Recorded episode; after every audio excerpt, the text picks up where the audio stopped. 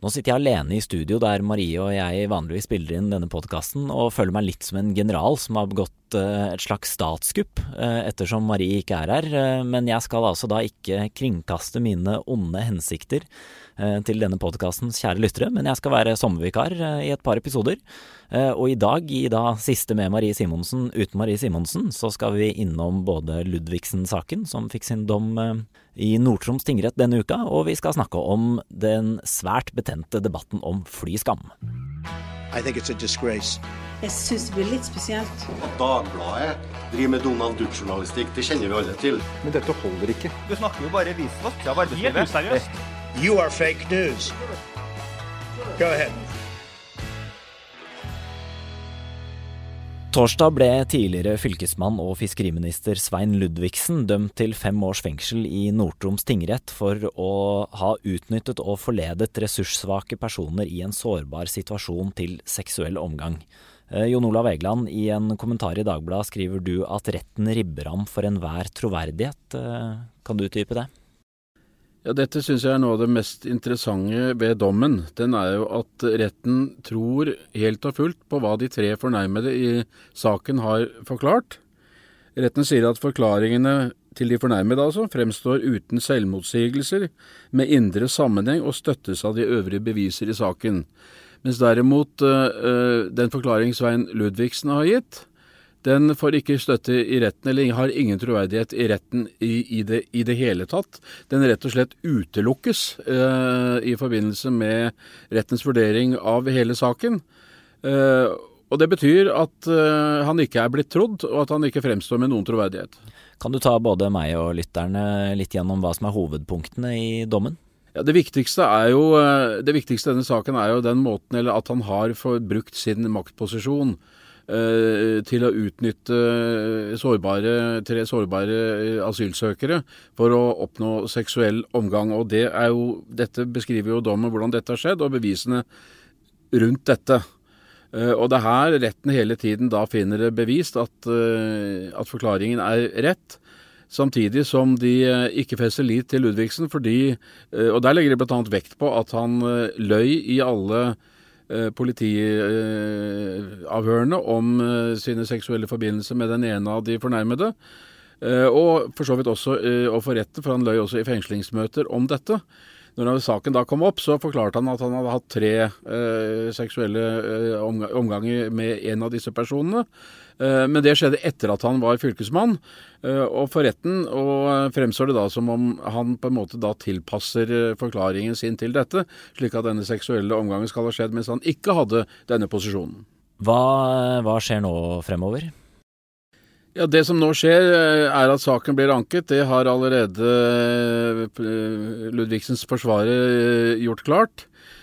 Dommen er på fem, fem, år, og det er under minimums, eller det normale kravet til lagmannsretten, men det kommer de nok til å akseptere allikevel. Så at vi får en anke denne saken er helt klart, og den anken må dreie seg om hovedpunktet i saken, nemlig om han har utnyttet sin stilling. For hvis han ikke har gjort det, så står vi tilbake i hovedsak med Sex mellom to menn, riktignok med stor aldersforskjell, men, men, ikke nødvendigvis ulovlig. Sex mellom menn er jo ikke som kjent noe som ikke er ulovlig. Vi feirer det til og med i Pride-parader jevnt og trutt. Eh, og da er vi et helt annet sted.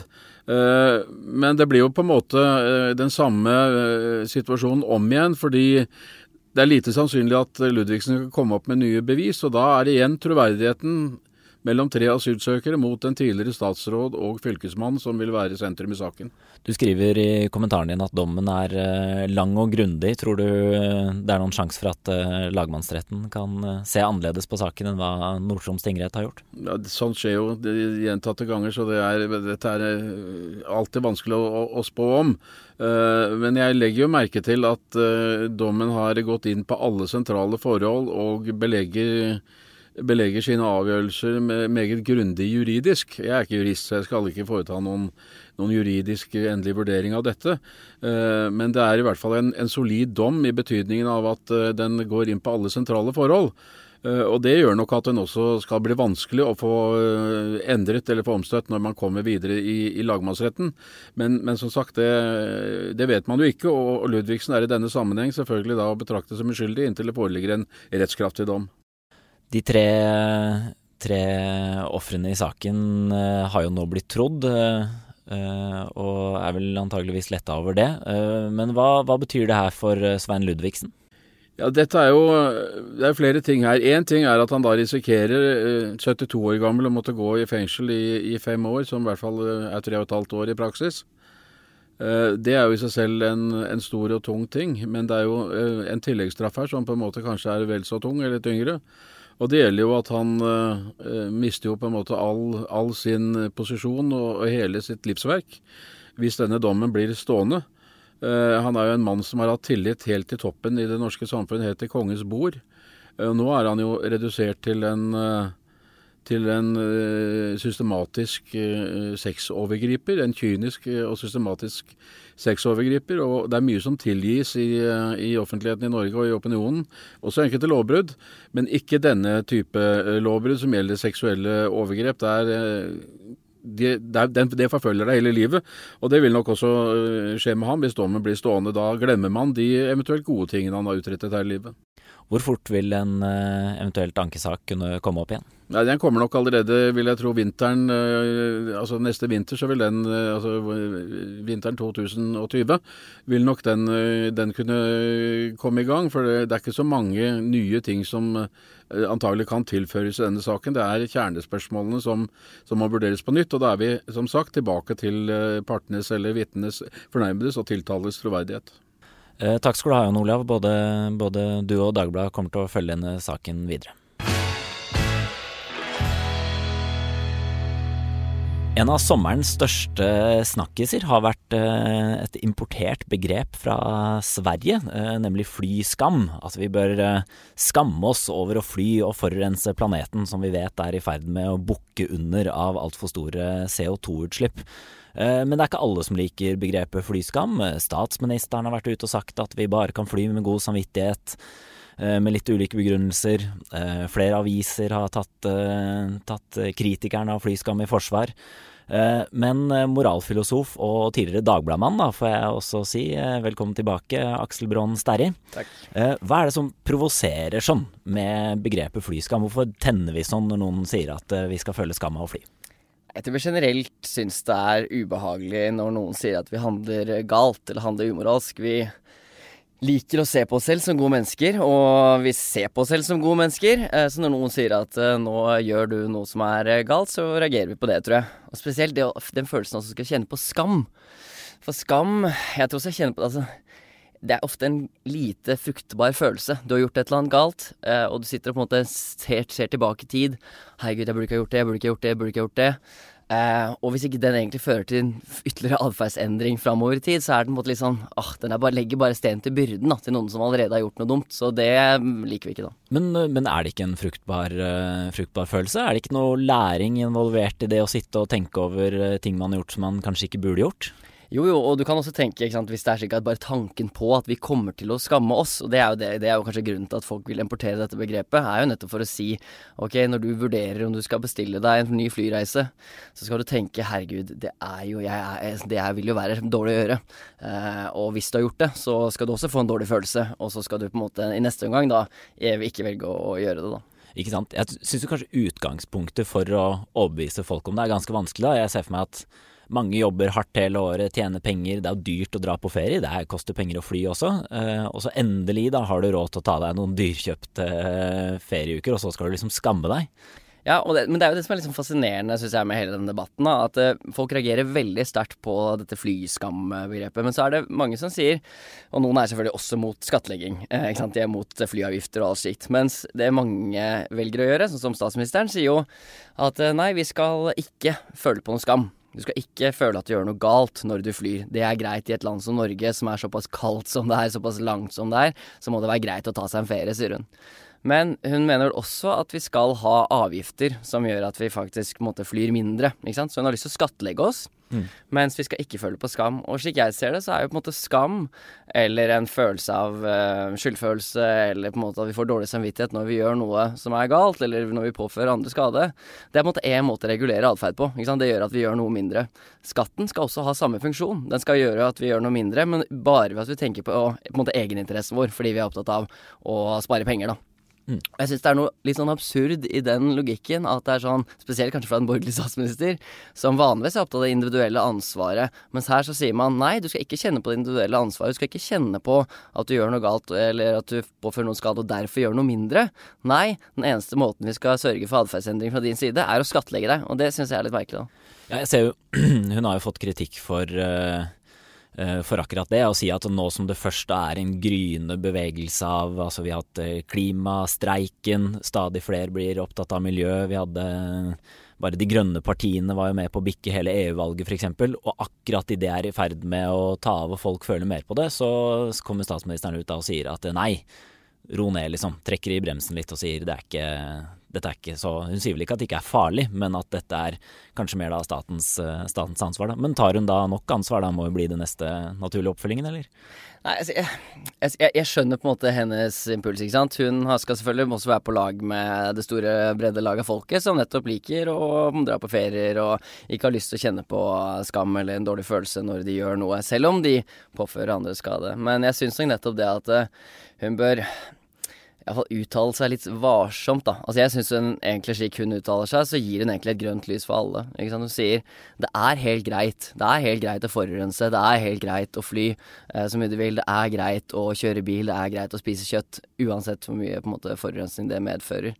Og det syns jeg på en måte er Det er uansvarlig. Eh, og det er også ganske uheldig, nettopp sett mot hva vi faktisk skal oppnå, da. Eh, vi sliter jo med å nå alle disse klimamålene våre, og selvfølgelig trenger vi skattlegging av utslipp. Selvfølgelig trenger vi subsidiering av ny grønn teknologi, slik at vi kan løse disse problemene. Men vi trenger også individuell handling. Og det jeg på en måte stussa på hele greiene, er jo at på en måte de gjør et sånn Aftenposten gjør det samme. Du gjør et skille mellom det man kan kalle kollektiv handling sett fra myndighetenes side. Myndighetene eller politikerne skal på en måte løse problemene for oss. Og så sier de nei, men individene de skal slippe. Um, men sånn er det jo ikke. Altså, vi er jo bare en sum av individer. Alle vi må handle på ulike vis. Og det kan nettopp være to måter å løse det problemet på. Det kan enten være at noen tvinger oss til å gjøre noe, som er da åpenbart Aftenposten, borgerlig avise Aftenposten, og den borgerlige regjeringa styrt av Erna Solberg, som sier vi skal tvinge dere til å handle riktig. Eh, men dere skal ikke eh, handle slik vi ønsker det, slik dere bør handle. Um, fra din egen samvittighet, fra at du tenker at dette er det riktige å gjøre, og det er det jeg syns er litt uh, merkelig.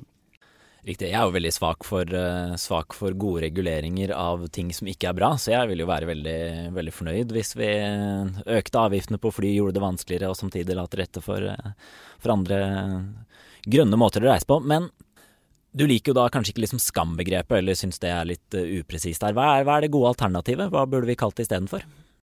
Nei, altså jeg, jeg, tenker at det er noen gode alternativer. Jeg tenker f.eks. at eh, dårlig samvittighet er greit. Eh, å få skyldfølelse. Eventuelt bare en forståelse av at uh, nå gjør jeg noe som ikke er bra nok. Uh, tenker at nå påfører jeg noen skade. Ja, skaden er indirekte. Uh, den treffer kanskje framtidige mennesker som ennå ikke er født. Den treffer kanskje dyr som du aldri er i kontakt med. Um, og det er selvfølgelig bare ikke bare dine handlinger som påfører skade, det er, de, det er dine handlinger pluss uh, alle andre sine handlinger. Men likevel så er det en skade du påfører, uh, som er noe som du bør kjenne på.